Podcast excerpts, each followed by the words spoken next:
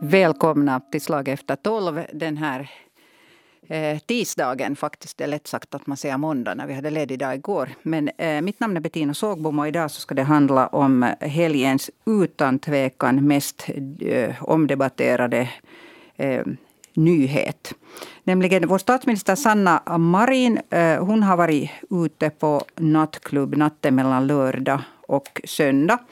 Och eh, på fredagen så har hon då varit i ett möte tillsammans med bland annat eh, utrikesminister ehm, Pekka Haavisto. Och eh, sen har det då klarnat att Pekka Haavisto har burit på coronavirus. Och ehm, ingen skada skedd, ingen verkar vara sjuk, ingen verkar ha symptom på det sättet. Men, men diskussionen går nu het om huruvida eh, Sanna Marins beteende var klokt, eh, både ur en politisk synvinkel och också helt korrekt. Var det okej okay för statsministern att eh, gå ut på, på nattklubb eh, trots att hon då hade varit exponerad för en person som bar på smitta? Och det här ska vi nu diskutera här idag. Och jag har tre gäster, så, så det där... Det blir mycket prat i den här studion idag. Jag har Erja Yläjärvi, som är chefredaktör för Hufvudstadsbladet här. Välkommen. Tack, tack. Så är Kalle Silverberg här från Helsingin Sanomat. Numera är du väl utvecklingschef, eller? Vad är det så sägs det. Jo, ja. så sägs det. Men du har varit chef tidigare för, för politik och politik och ekonomiredaktionen. Ja, ja, precis. Och så har jag Magnus Svanjung här som är politisk eh, redaktör här på Svenska Yle. Välkommen. Tack. Det där, eh, ja, du kom in här Magnus och använde ordet bilesanna. Nu avslöjar jag det. Det är ett ord som används nu i olika sammanhang. Ja, det, det är en av Seiskas taggar, alltså skvallertidningen Seiskas taggar som man använder för att kategorisera artiklar. och det tycker jag på sätt och vis är beskrivande. Okej. Okay. Men, men alltså, eh, på det sättet så har ju ingen eh, men skada skedd. Att, att tydligen har varken alltså, utrikesministern något symptom och, och nu har Sanna Marin efteråt då, då testat två gånger och säger att båda, båda testerna är då negativa. Men det, det är ju som så ofta inom politiken hur saker och ting ser ut. Eh, nu, Erja Ylajärvi, jag vet att du åtminstone skrev om det här eh, i Hufvudstadsbladet redan igår. Ja, jag skrev en, en, en liten kommentar och konstaterade mm. just det du sa att egentligen har hon knappt gjort något fel mm. för eh, om Pekka Haavisto hade varit en vanlig medborgare skulle han inte ens testats för smitta för han är symptomfri. Eh, dubbelvaccinerade behöver inte eh, vara i karantän. Eh, och, och nattklubbar i sig också har coronapass. Det är bara att nattklubb i Finland är lätt mer provocerande i coronadebatten än säg hockeymatch eller teater. Eh, men sen tror jag själv och skrev själv att det här att hon lämnade tjänstetelefonen hemma, hon fick inte informationen. Uh, också det där att hon väljer, väljer aktivt efter en veckas förkylning, Går direkt och festa loss till tidiga timmar. Det, det är just som du säger, att hur saker och ting ser ut och det är inte första gången med Sanna Marin att, att det blir lite så i publikens ögon. Sen är stämningen kring corona ganska spänd, folk är ganska mm. delat. Folk är ganska trötta på det. Eh, jo, och just mm. därför borde statsminister kanske också tänka liksom extra mycket hur saker och ting ser ut. Mm. Jag håller ni andra med om den här analysen, att, att hon i sak inte har gjort något fel? Vad säger du, Kalle Silverberg? No, jag säger ungefär på samma sätt att, att det är svårt att se det här som, som Sanna Marin gjorde som särskilt politiskt klokt. Att uh, det finns liksom vad ska jag säga, det, hennes beteende ser inte särskilt bra ut om man, om man ser på det så politiskt. Men dels det här att, att, att man då utnyttjar sin frihet till fullo i en, i en sån fråga som, som delar folk och i en fråga där, där hon själv tidigare har, har varit någon sorts förebild som, som statsminister. Uh, och sen, sen har hon då lämnat telefonen hemma som, som Erja sa och kanske annars också då valt att, att inte, inte, inte bara ska säga, mer exemplarisk än, än vad, som, vad som nu förutsätts av, av eh, lag och, och bestämmelser och, och, rekommendationer. Det otrevliga för, är förstås det att, att jag har sett att man använder då um, hennes beteende som någon sorts slagträ mot alla medborgare som, som lever helt i enlighet med restriktioner och, och, och rekommendationer och, och alltså går ut på bar och, och, nattklubb och, och försöker leva ett möjligast normalt liv, vilket jag nu anser att det, är det som är människors rättighet här. Mm. Och, och det bidrar också till en, till en ganska otrevlig debatt, tycker jag. Men är det så att en statsminister, ehm, trots att alltså man följer reglerna, man följer något THLs rekommendationer och så här, att okay, du har, eh, som säger att eh, du har utsatts för någon person som då testar positivt. Men om du själv är dubbelvaccinerad enligt THLs eh, de här anvisningar så, så kan du ju leva ganska normalt. Det förstås eh, rekommenderas att man kanske är lite försiktig, håller eh, lite avstånd och munskydd tills man har hunnit testa sig. Men annars kan man leva normalt. Men är det så att av statsministern och kanske andra ministrar också förväntas det någonting mera? Att det räcker inte? Jag, jag vet inte, jag tror att man kanske lite här nu blandar ihop uh, två saker. Å ena, sidan så, å ena sidan i, i förhållande till THLs rekommendationer har Sanna Marin, precis som Merja sa, inte gjort någonting fel. Mm. Och man kan kanske till och med säga att, att hon har gjort på så sätt har hon gjort allting helt rätt, att hon faktiskt lever som hon lär. Alltså, hon har ju varit ganska mycket ute äh, i, i, i, det där, i nattlivet på sistone, men hon har också sagt nu väldigt tydligt att nu är tid att leva igen. Äh, och, och, jag tror att en del av den här diskussionen nu handlar om ett sånt här liksom moraliserande. Att, att hur kan uh, nu Sanna Marin vara ute och festa när vi har den här coronakrisen, när det liksom, uh, och vi har det så svårt och, och, och blä, blä, blä. Och det här har jag lite svårt att förstå, men sen gjorde hon uh, andra saker fel alldeles uppenbart. Det handlar om den här telefonen som hon lämnar hemma och det som retar mig kanske mera än det är att, att hon haft väldigt svårt att erkänna sina fel. Hon har ännu en gång så har hon, har hon slängt en av sina medarbetare eller, eh, under bussen, i det här fallet Henrik Haapajärvi som är, som är statssekreterare, som hon då mellan raderna beskyllde för att inte ha gett henne tillräckligt klara direktiv, när det då från statsrådets lägescentral kom det här meddelandet att uttryckligen de som sitter i statsrådet, de borde nu ta det här mera på allvar än, än vanliga medborgare. De borde inte eh, röra sig ute där de kan exponera andra för det här viruset. Och, och hon, hon, har inte nåtts av det meddelandet uh, och hon har skyllt det på sin statssekreterare, men det är hon själv som bär ansvar för det. Mm. Om man tänker på hennes ja. egna förutsättningar att, att leda landet och, och leda regeringen, så så är det här ju dessutom oklokt på det viset att hon, hon har gett ett vapen i handen på oppositionen och, mm. och också missnöjda regeringspartier eventuellt. Då. Vi har ju inte ännu sett någon hemskt stark reaktion från, från de andra regerings, regeringspartierna, men, men vi får väl se hur det går. Mm. Ja, det är intressant just det där att, äh, att, att hon har faktiskt sett det här att det är dags att leva, leva inom de ramar vi kan just nu, men hon leder ändå en regering som inte ger ut det här budskapet. Hon, eh, Krista Kiuru har uppenbarligen velat, velat ge helt annat budskap. Och det leder förstås eh, i långa loppet till en viss slags förvirring. Att, att vad är det som dugar? Vad är det som räcker? Och, och ska vi nöja oss med att följa rekommendationer eller ska vi förväntas göra ännu mera? Och, och just det här att hon har varit ganska frånvarande från den här coronadebatten på senaste veckorna. Hon har inte velat tala med journalister. Eh, det är mest Kiuru som leder den här diskussionen. Hon har varit förkyld och, och sagt att hon därför inte är anträffbar. Och sen kommer, kommer det här eh, lite, lite, lite som extra krydda eh, till, till det här. Så jag tror att det är, liksom, det är på det sättet inte speciellt genomtänkt att, att folk behöver inte det här Nej. när de redan är förvirrade. Precis, och jag tror att de här dubbla budskapen är inte särskilt bra heller i ett läge där vi ser en allt mer polariserad debatt uh, om covid-19, det vill säga om vaccinationer och om, om covid-intyg uh, till exempel. Mm.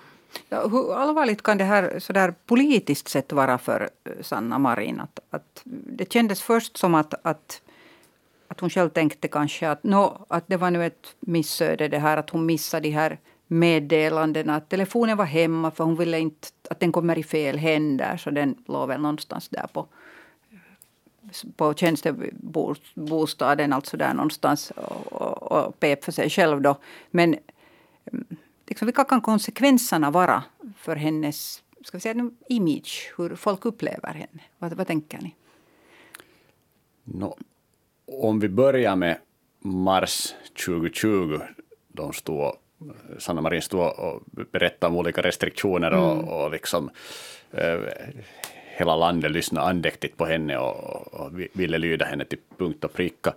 Så eh, efter det hade ju hänt ganska mycket och, och jag menar senast i och med det här så är ju hennes auktoritet att, att till exempel berätta om nya, nya rekommendationer och restriktioner ganska, ganska liten redan för att, för att allt hon säger kommer att då speglas mot det här att, att hon då kanske inte själv åtminstone äh, tar det här på, på särskilt stort allvar. Men att sen, äh, sen är det ju svårt att säga vad, äh, men det, det finns ju inte några särskilt allvarliga krav på hennes avgång eller så, men att, men att till exempel Centerpartiet har ju knappast någonting emot att, att man har en statsminister i den här lite obekväma regeringen som, som inte är särskilt populär, eller vars popularitet åtminstone går neråt. Så det, det, kan ju vara nyttigt sen i andra sammanhang när man ska förhandla om någonting annat. Jag håller med. att jag, jag det är Centern som egentligen är ganska avgörande, men det, jag skulle nog säga att sannoliken ska, sannolikt ska de hålla sig någorlunda tysta, för ingen har något intresse att fälla regering just för regionalvalet. Och, och det är det liksom som kanske i bakgrunden spelar större roll eh, än man tror. Intressant är förstås det här att det finns inga många socialdemokrater, om ens någon, som har offentligt kommit och försvarat Sanna Marin heller. Så det finns en, eh, helt klart ett missnöje, men de har inte många alternativ heller just nu. Det finns inga eh, statsministerkandidater där i bakfickorna och de har också regionalvalet på kommande. Men när det kommer sen på våren, det kommer budgetförhandlingar, det kommer ekonomiska sparkrav, det kommer klimatmålåtgärder. Och redan är de eh, inte så harmoniska i den här regeringen. Så jag tror att det här ska komma som en detalj till som spelar roll där på våren. Mm. mm. Ja, den är intressant den här tystnaden. Jag tror att den enda SDP-are som har varit ute och försvarat äh, Sanna Marin är hennes kompis äh, Ilmari, äh, vad heter han, Nurminen, Nurminen. Mm. Äh, riksdagsledamot och, och, och, och, och goda vän. Ähm, jag tror också att, att hur stora växlar man kan dra på det här misstaget som gällde, gällde kommunikationen, där har ju alldeles uppenbart funnits ett problem. Sanna Marin har ju sagt att hon är nog alltid tillgänglig om mm. det kommer ett viktigt meddelande. Men då säger hon samtidigt att meddelande just nu som gäller covid-19-epidemin inte är viktiga, för hon har trots allt inte nåtts av de här meddelandena. Men hur stora växlar man drar på det här, så, så det, det handlar bara om hur uh, stor uh, hur stort stöd hon har i de egna leden och bland de andra regeringspartierna. Men om man drar några paralleller till exempel under den här regeringsperioden, vem som har fått gå och vem som inte har fått gå, så är det Katri Kulmuni som saknar stöd i det egna partiet och bland sossarna. Hon, hon, hon fick lov att självmant avgå för en betydligt mindre struntsak. Medan sen till exempel eh, Pekka Haavisto som har ett kompakt stöd i, i de egna leden tog sig igenom en betydligt allvarligare eh, skandal, till synes ganska oskadd. Vilken skandal hänvisar du till? Nu ja. hänvisar till den här äh, Hall-Holl-skandalen, mm. det vill säga när han då ähm, petade en tjänsteman vid utrikesministeriet i försöken att få hem de här, ähm, de här äh, IS-kvinnorna och, och, barnen från, från all håll. Så tror jag att det också i de andra partierna finns en viss ovilja att, att rida hemskt mycket på den här moralismen. Telefon, mm. Att lämna telefonen hemma det är någonting som man kan, kan kritisera, men, men att sådär allmänt i det här läget när, när en stor del av befolkningen ändå är ganska trött på den här coronan och på restriktionerna och vill leva ganska normalt så är det kanske inte heller så jätteopportunt att, att då framstå som den stora moralisten som, som på de grunderna vill, vill fälla eh, statsministern. Mm. Jag tror att det är just det här att det, det politiska priset är egentligen så där eh, någon slags indirekt, eller hur säger man odirekt? Indirekt. indirekt Uh, så att, att folk känner sig mer och mer förvirrad. Det, det skapar inte liksom förtroende. att, att ledarskapet, att folk undrar kring det, vem som leder landet, på vilket sätt. Och inget av det här kommer kanske liksom just den här veckan eller nästa vecka eller i, under julen påverka dagliga politik. Eh, det är egentligen bara ett, en, ett stort beslut eh, som ska fattas före jul. Det är det här stridsplan, alltså militära stridsplan som Finland ska skaffa. Eh, det har inget att göra med corona. De, de lyckas skaffa vad de skaffar. Så, men jag tror att det är ganska obehaglig den här liksom känslan bland med, medborgare att, att lite sådär förvirrat. Och den känslan har man till exempel inte i Danmark inte i Norge på samma sätt. No, Sverige har sina egna politiska problem, men mm. de handlar inte om corona heller. Att, och det är kanske politiska priset. Sen tror jag kanske också att det allmänna förtroende för Sanna Marin mera så här stegvis, eller du var kanske Eria inne på det också, men att det liksom stegvis på något sätt eh, blir sämre. Och, och, och, det har dels att göra med att hon helt fullständigt har byggt kommunikationsstrategi, det vill säga från att ha varit den här väldigt eh, stränga statsministern som berättar att vi inte får åka till stugan, som, som, som Kalle talar om, och sen, sen då på något sätt nu plötsligt har, har nästan slutat bry sig om hela coronaepidemin. Och alltså, är det, är, det, är det så ni tolkar det, att hon har slutat bry sig? Eller så det ser nu, ut? Så tolkas det till exempel på ganska många nyhetsredaktioner ute i landet just nu för att hon har varit fullständigt uh, ovillig att kommentera det, det liksom egentligen ganska illavarslande uh, läge och, och hellre har ägnat sig åt, åt till exempel att ge intervjuer åt damtidningar och sånt för, för ett sånt här liksom imagebyggande.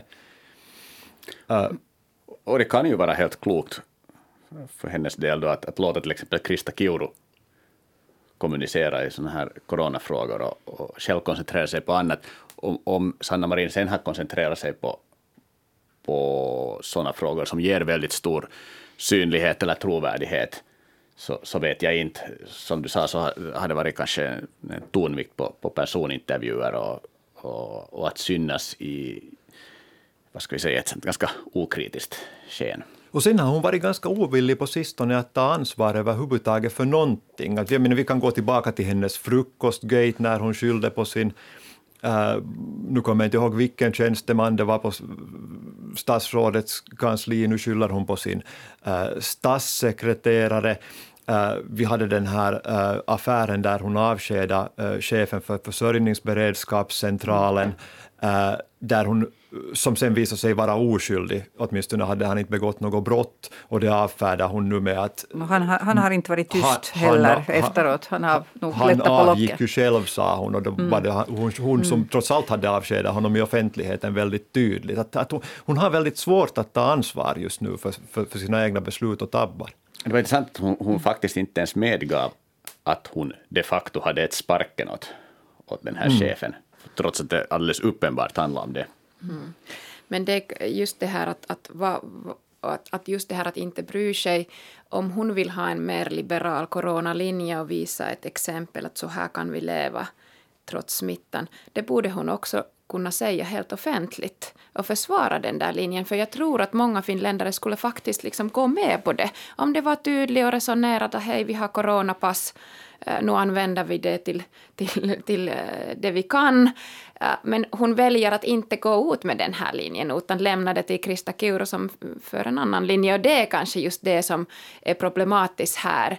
För finländare har alltid varit ganska bra på att, att lyssna på presidenter och statsministrar om de har övertygande linjer, att aha, det här låter vettigt, det kan jag. Därför att många finländare ändå har inte såna jättestarka egna åsikter. Ja, och hennes linje, eller den, den, vad ska vi säga, eh, ja, den linjen som hon helt tydligt har, men, men kanske inte uttalar offentligt, så den skiljer sig knappast hemskt mycket från, från gemene finländares mm. förhållningssätt till, till coronan. Att det är ju en, en högljudd men trots allt kanske ganska liten minoritet som nu har isolerat mm. sig fullständigt. Men, men förklara för mig nu att, att om Sanna Marin är på nattklubb, eh, är, har hon någon personal med sig då?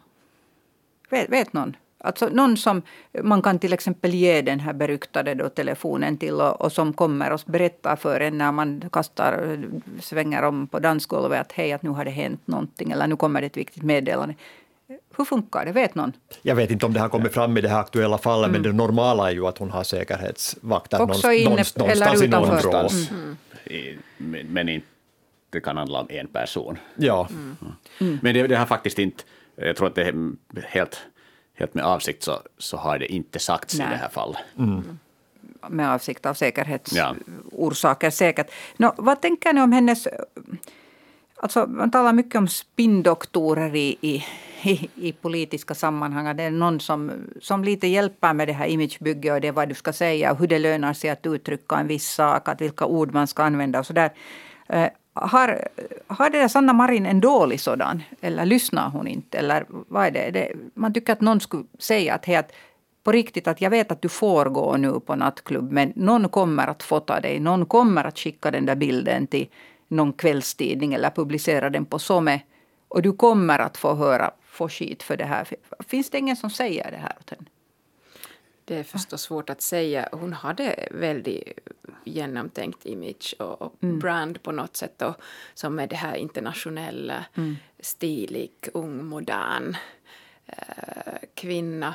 Vilket funkade väldigt bra och, och ganska länge. Men, men sen politik med sina större frågor tyvärr ganska ganska sådär hård.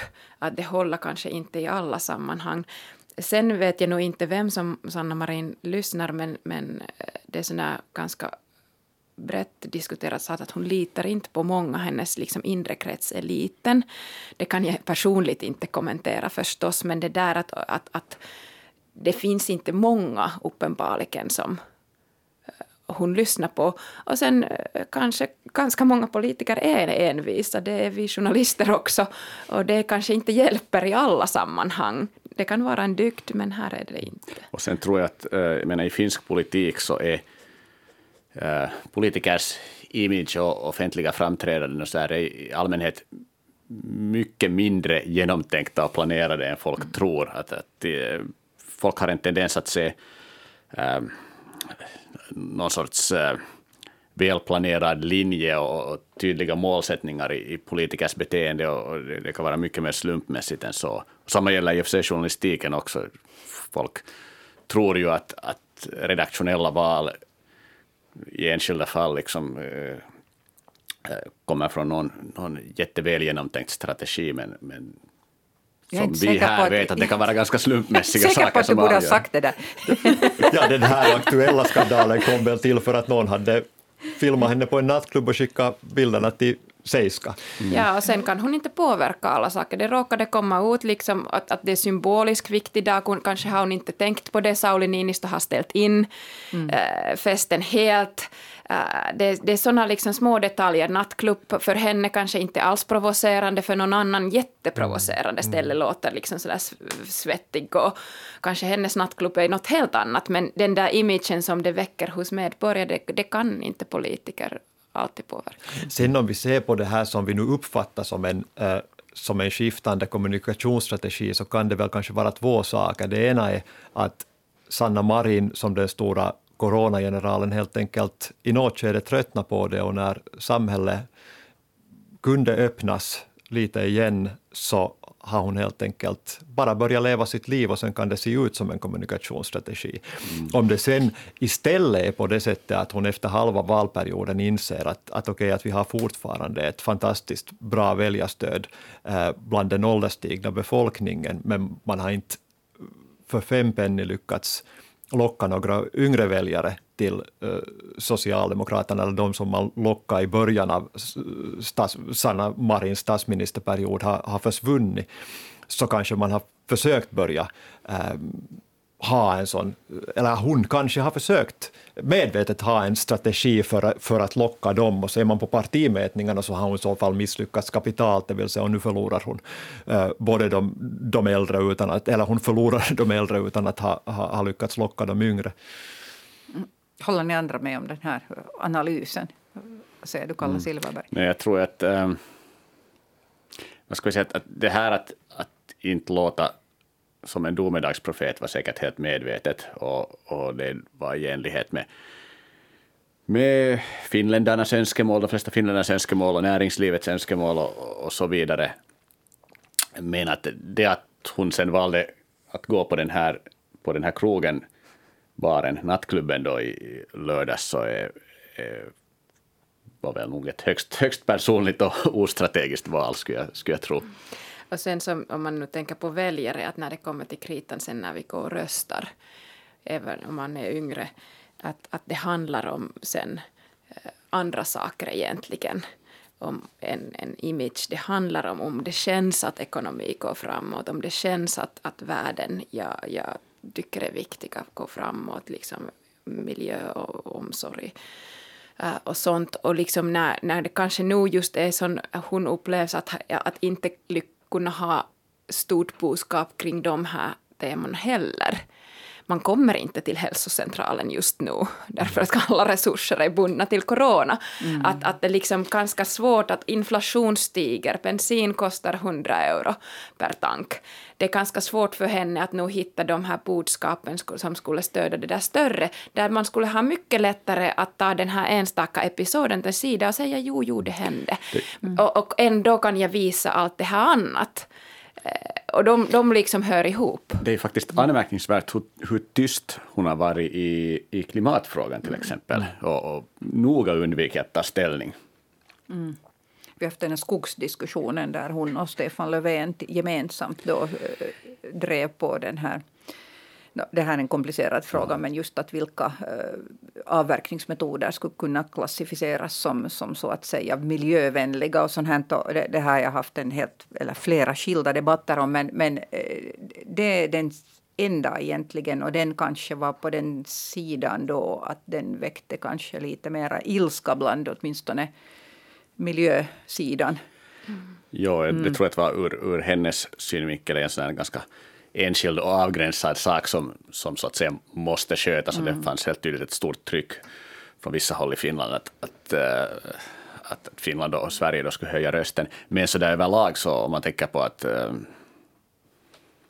ska vi säga, nå, nå ut till till exempel yngre väljare så, så är ju åtminstone klimatfrågan en, en sak som hon inte hemskt gärna lyfter upp av, av en eller annan orsak. Det har säkert att göra med de inre motsättningar som finns i regeringen, där hon trots allt har en, mm. en roll som ledare av regeringen som måste på något sätt få ihop det från, från kris till kris. Mm. Men det, det, blir intressant vad som Socialdemokraterna nu vill, nu vill lyfta det kommande regionalvalet, när de inte... Det finns just som äldreomsorg och, och vanlig hälsovård ganska många frågetecken som sen, kan, sen skulle vara viktiga, inte, inte kanske alltid för de unga, men speciellt för deras mm. äldre väljare. Men jag skulle, en fråga som jag tycker har kommit fram väldigt mycket här nu när folk polariseras också kring den här frågan. Och det kan bli ganska fullt ibland att hur, hur folk sen för den här diskussionen. Så, så det där, eh, här har lyfts fram många gånger att nåja, att hon är ung och hon är kvinna att det är därför som alla hatar, eller alla liksom har bestämt sig för att, jag har till och med läst ord som hat, men att, att det är därför hon råkar ut för kvinnohat. Och, och hon råkar ut för uh, att hon kritiseras mycket hårdare än om, om det hade varit en man som festade loss på en, på en nattklubb. Eh, jag Kommer ni ihåg Touko Aalto? Touko Aalto, det grönas ordförande, ja. Han blev mm. piskad på en nattklubb och sen slutade det illa. Piskan, ja. Det slut, ja, men han hade ju någon burnout och någonting sen och avgick väl ganska självmant. Var det inte så det gick till? Ja. Men bli piskad på en nattklubb har, inte, har nu inte statsministern varit Men, men vad tänker ni om den här eh, diskussionen och det här motiveringen? Nu, nu är herrarna så jätte sådär försiktiga ut. Nej, nej, vågar alltså, säga någonting? Nej, tvärtom, jag tror att, eller gissar kanske att vi kommer att säga samma sak här. Mm. Alla tre, men jag tycker att hennes, äh, vad ska vi säga, äh, medierna har, och offentligheten överlag har varit ganska snäll med henne. Snarast så än, än någonting annat. Och, och jag menar, um, Juha, den kritik som Juha Sipilä till exempel fick utstå helt, helt liksom med, med god orsak, så, så var nog uh, skulle säga betydligt, betydligt hårdare. Det gäller särskilt då i början av, av, av det där uh, den här valperioden. Att, att nu kanske, till exempel i och med det här fallet, så, så har kanske tonen blivit lite annan och, och kritiken är fränare, men, men eh, då för ett år sedan ungefär så upphöjdes ju Sanna Marin närmast till ett, till ett helgon liksom, och, och fick väldigt lite kritik i offentligheten. Ja, ja, liksom det här kvinnohatet, det, det skulle jag kunna prata länge om. Men förstås om det Nå, kommer sådana en- kommenta som, såna kommentarer som att ja, borde hon inte varit med hennes barn på en lördagkväll. Det är kanske just sånt där som hör, liksom man hör snarast med kvinnor och inte så mycket med män. Men det har varit väldigt lite. Och, sen, sen har Sanna Marin själv sett till att man, man, för, man ska förstå hur briljant det är med, med enbart, nästan enbart unga kvinnor. Så hon har själv använt det till hennes fördel på sociala medier. Det leder till en annan slags dynamik sen förstås. Sen är det ett faktum att många politiska reportrar i det här landet är lite äldre. Eh, Det finns kvinnor numera, men de flesta är män. Då ser det förstås väldigt lätt ut att här är det eh, medelålders män som kommenterar. Men, men det här yrket eh, förändras inte heller över en natt. Men, men alltså- håller du med om, om Kalles äh, Silverbergs kommentar här om att, att äh, hon egentligen blev behandlad väldigt mm, mjukt i, I början av pandemin, Ja. jo, Mm. därför att liksom finländare vill allt Ofta, inte alltid, men ofta är finländare sådana som samlas kring eh, sina ledare. Och det händer i an, andra länder också. Att, Mm. att, att, att, och det ledde till att... Men det skulle kanske hänt också med en manlig ledare i början av pandemin med samma budskap. Så jag kan inte heller säga att det skulle ha med, med hennes Hon var, kön hon var att ju göra. väldigt bra framför kamerorna att vara liksom tydlig om ni jämför med för, föregångaren då Matterin, när man Antti Rinne. Så, så det där, det var kanske en lättnad för många att ah, en som talar i hela meningar. Den kontrasten fanns ju nog med Ja. där ännu när man, när man såg henne uppträda. Så, Mm. så var det säkert många som tänkte att, att hur, hur skulle det ha sett ut med Rinne vid rodret. Vad, vad tänker du Magnus Svanjung om, om det här eh, kvinnobiten här? Nej, det finns väl kanske en sån här... Eh, alltså, historiskt kanske det är så att kvinnliga politiker ha- har eh, utsatts betydligt hårdare för den här typen av liksom, små skandaler än manliga. Men jag vet inte om vi liksom tittar på vad som har hänt i finländsk politik de senaste åren så finns det väl inte så jättestarka belägg för det. Antti Rinne som vi just pratade om fick lov att eh, gå. Det har inte ännu hänt åt Sanna Marin och inte finns det väl någonting som tyder på att det är det som håller på att hända heller. Eh, hon var en oerhört populär statsminister i början av sin period. Det var också uh, Juha Sipilä som... som En kort tid. en kort tid. Ja. Och det där ingen statsminister eh, i Finland på väldigt länge har varit populär under en hel valperiod. Alltså, hon får kritik för att hon är statsminister, inte för att hon är kvinna. Och sen om de här coronaåtgärderna, att vem som har gjort vad och vad minister och politiker får göra. Om man tittar på till exempel tidningar i Britannien.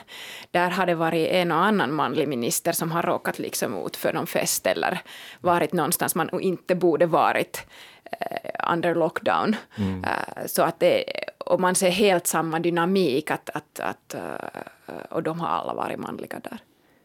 Va, hur tror ni, vad tror ni händer nu i den här debatten, diskussionen? Ska säga nu den här veckan. Är det bara en, storm och sen så blåser det över eller har det långtida konsekvenser? Avslutningsvis. Tur att det här är en direktsändning för att det, man, det man säger nu så, så försvinner sen. Um, jag tror väl att det blåser över men, men eh, hennes ställning kommer att vara aningen försvagad och hennes möjligheter, Sanna Marins möjligheter att, att då till exempel eh, kommunicera om nya, nya coronarestriktioner så, så kommer att, att liksom skadas av det här. Och, och, och, och också förhandlingsmål kanske i, vissa andra politiska frågor.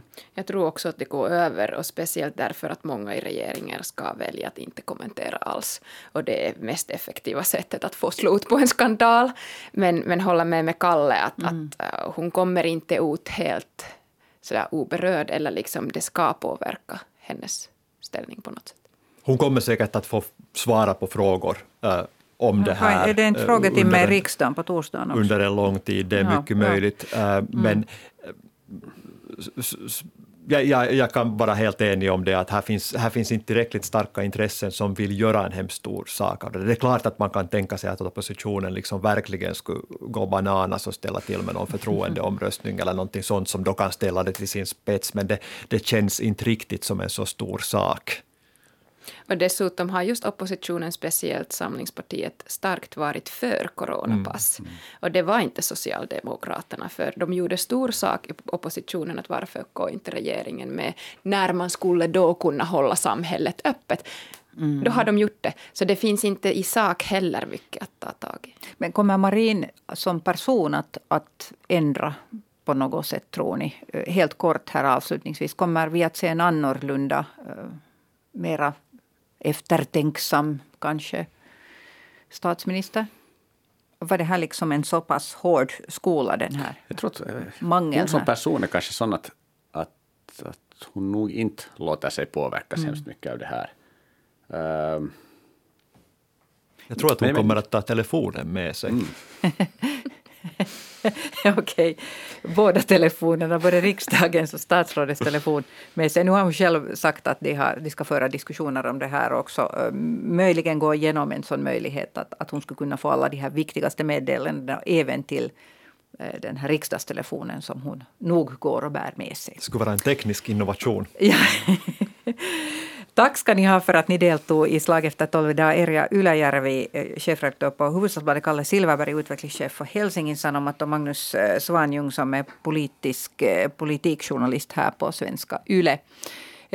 Ni lyssnar på Slag efter tolv. Imorgon en ny debatt, samma tid, samma kanal. Mitt namn är Bettina Sågbom. Jag önskar er en god fortsättning på dagen.